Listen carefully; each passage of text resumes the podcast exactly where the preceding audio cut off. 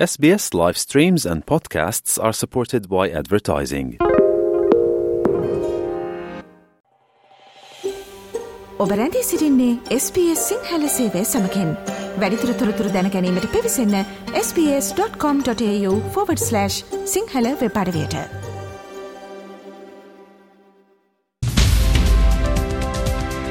මවබිමින් පුවත් ඔස්ට්‍රේලියාවේ අද උදැස්ස නැවද විට ශ්‍ර ලංකාවෙන් වාර්තාාවන ප්‍රධානතම පුවත් කිහිපය මෙන්න. අද දෙසැම්බර මාස්සේ හත්වනිදා මෝබිමෙන් පුවත් විශෂාංගින් ඊයේ දිනේ සිදුවීම් ගැන ශ්‍රී ලංකාවේ සිට අවධානයොමු කරන වෙලාව. ඒ පාර්ලිමේන්තුවේදී අයවැය විවාදයට එක්වුණු මහින්දානන්ද අලුත්ගමගේ මන්ත්‍රීවරයා සංස්කෘතික අරමුදලේ මුදල් අවභාවිතය සම්බන්ධයෙන් වන කාරණය ආයමත් පාර්ලිමේන්තුවේදී අවධානයට යොමු කර විපක්ෂනායක සජිත් ප්‍රේමදාසත් පාර්ලිමේන්තුව රැඳී ඉන්න වෙලාවි මේ පිළිබඳව අදහස ඉදිරිපත් කළ මහින්දානන්ද අලුත්ගමගේ පාර්ලිමේන්තු මන්ත්‍රීවරයා.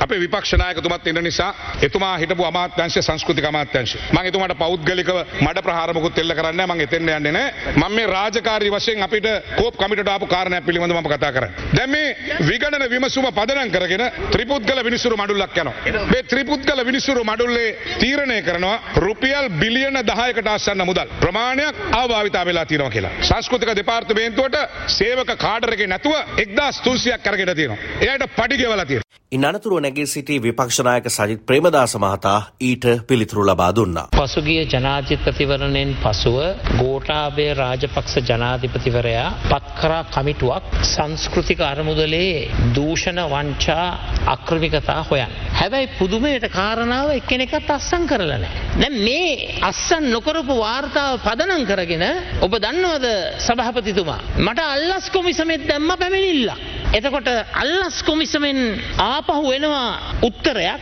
අල්ලස් පනත යටතේ කටයුතු කිරීමට ප්‍රමාණවත් කරුණු අනාවරණය නොවුණු බැවින් මේ සම්බන්ධව ඉදිරි කටයුතු නොකිරීමට කොමිෂන් සභාව තීරණය කර ඇති බව ආරුණිකෝ දන්වා සිටි. දැන් එතනින් රේන ඊට පස්සේ තවත් කමිටුවක් පත් කර. කෝප් එකක් ගන්නවා ඒ පත් කරපු කමිටුව හැබැයි පුදුමයට කාරණාව මොකක් දන්නා සභාපතිතුමා. දැන් වාර්තාව ඇවිල්ලා තියෙන්නේ. හැබැයි වාර්තාව එලි දක්වන්නේ නැහැ.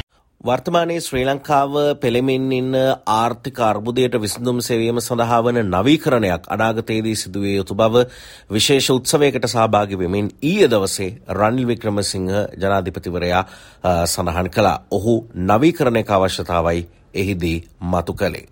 දිසැම්බර මැදදී OCC ඔෆිෂල් ක්‍රඩිටර්ස් කොමිටිය රැස්සුනහම නිල වසයෙන් අපි ණයගත්ත රටවල් ප්‍රකාශ කරන්නට යනවා අපිට දැන් මේ ණය දරාගන්න පුළුවන් කියලා. ඒත් එතනින් ඒක ඉවර වෙන්නේ නැහැ. ඊට පස්සේ අපිට තියෙනවා පුද්ගලික ණයකරුවන් සමග සාකච්ඡා කරන්න. මම බලාපොරොත්තු වෙන්නේ මේකට වැඩි කල්යන්ට ඉස්සෙල්ලා එන අවුරුද්දෙම අපිට විසඳන්න පුළුවන් වෙයි කියලා. එහෙනම් අපි බංකොලොත් භාවයෙන් මිදෙනවා. මම හිතන්නේ මාස 18කින් මේක කරලා තියෙන ශීඝ්‍රම වැඩසටහන. මම මේ සැරේ කොප් 28ට ගියද්දි හුඟක් අය මෑන් ඇහුවා කොච්චර කොහොමද ලංකාව මේ වැඩ කටයුත්ත කරේ කියලා. අවුරුදු දෙකක් තුනක් යනවා සාමාන්‍ය. ඒ නිසා මම හිතන්නේ ඒ පිළිබඳව මේ රජයේ ආයතන වලටත් මේ රටේ මහ ජනතාවටත් මම විශේෂයෙන්ම ස්තුති කරන්න කැමතියි. අපිට තියෙන අලුත් ආර්ථිකයකින් විදේශ විනිමය උපයා ගන්න. ශීඝ්‍රයෙන් දියුණු වෙන්න. එන අවුරුද්දේ ඉඳන් මේ අලුත් ආර්ථිකය ගැන අපි ක්‍රියා කරන්නට යනවා. එන අවුරුද්ද කියන්නේ ජනවාරි 1 වෙනිදා ඉඳන්. මුළු රට තුළම නවීකරණයක් සිදුවෙන්න වෙයි. ඒත් ඒක හැර අපිට වෙන විකල්පයක් නැහැ.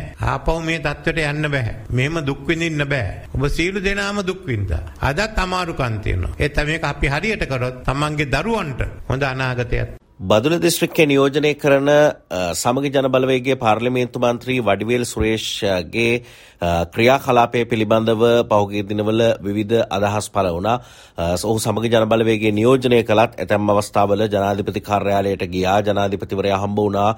මේ ආදී අදහස් කියවුණා පෞගේ අවස්ථා කීපයකදී විපක්ෂ නියෝජනය කළත් ආණ්ඩුවේ යෝජනාවලට පාර්ලිමේන්තුවේදී සහය දෙන අවස්ථාත් අපිට දකින්න ලැබුණා. කොමුණත් ඊයේ දවසේ වාර්තාවට සිදුවීම තමයි උඩරට දෙමළ ජනතාව ශ්‍රී ලාංකේය සමාජයට පූර්ණ ලෙස ඒකාබද්ධ කිරීම පිළිබඳව රනිල් ජනාධිපතිවරයා ගෙන යන වැඩපිළිවෙලේ උපදේශකවරයා ලෙස වඩිවිල් සුරේෂ් පාර්ලිමේන්තු මන්ත්‍රීවරයා නම් කරලා තියෙනවා. ඒ අනුව උඩරට දෙමළ ජනතාව ශ්‍රී ලාංකේය සමාජයට පූර්ණ ලෙස ඒකාබද්ධ කිරීම පිළිබඳ ජනාධිපති උපදේශකවරයා විදිහටයි වඩිවිල් සුරේෂ් පාර්ලිමේන්තු මන්ත්‍රීවරයා දැන් කටයුතු කරමින් ඉන්නේ. දරුවන්ට දහම් අධ්‍යාපනය ලබා ගැනීමට නොහැකි වන පරිදි ඉරිදා දිනවල දහම් පාසල් යන්න බැරි වෙන විදිහට උපකාරක පන්ති පැවැත්වීම පිළිබඳව අවධානය යොමු වුණ. උපකාරක පන්ති තහනම් කිරීම ගැන කතා කරා.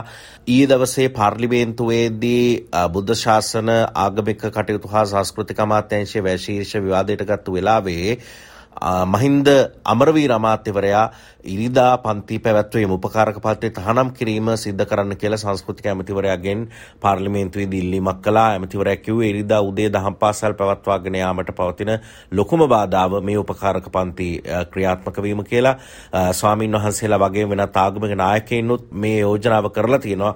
මේක Tamanගේ යෝජනාවකට වඩා ඔවුන්ගේ යෝජනාවක් හැටියට තමයි මහින්ද අමරවීර අමාත්‍යවරයා පාර්ලිමේන්තුවට ඉදිරිපත් කරේ. ඉතින් ඒ අනුව කටයුතු කරන්න කාලය ලබා දෙන්න කියලා එහෙම නැත්නම් ඉරිදා ඉරිදා උදේවරුවේ උපකාරක පත් තහනම් කරන්න කියන ඉල්ලීම මහින්ද අමරවීර අමාත්‍යවරයා ආයමත් පාර්ලිමේන්තුවට ඉදිරිපත් කරා ඔහුගේ යෝජනාවක් හැටියට.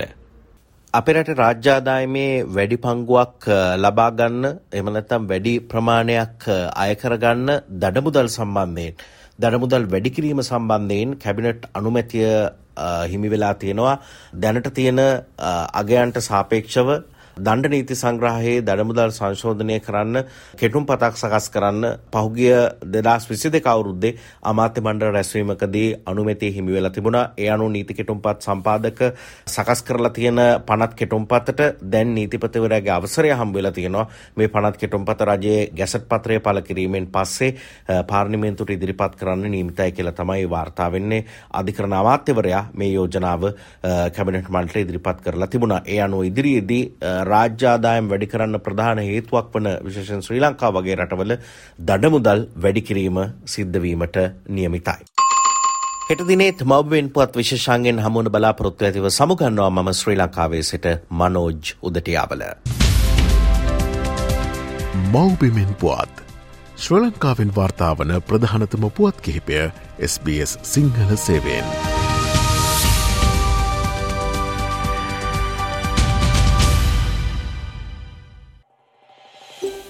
මේ වගේ තවත්තොරතුරු දැනගන්න කැමතිද. එහෙමනම් Apple podcast Google podcast Spotify ඔබගේ පොඩ්කාස්ට ලබාගන්න ඕනෑම මාතයකින් අපට සවන්දය හැකේ.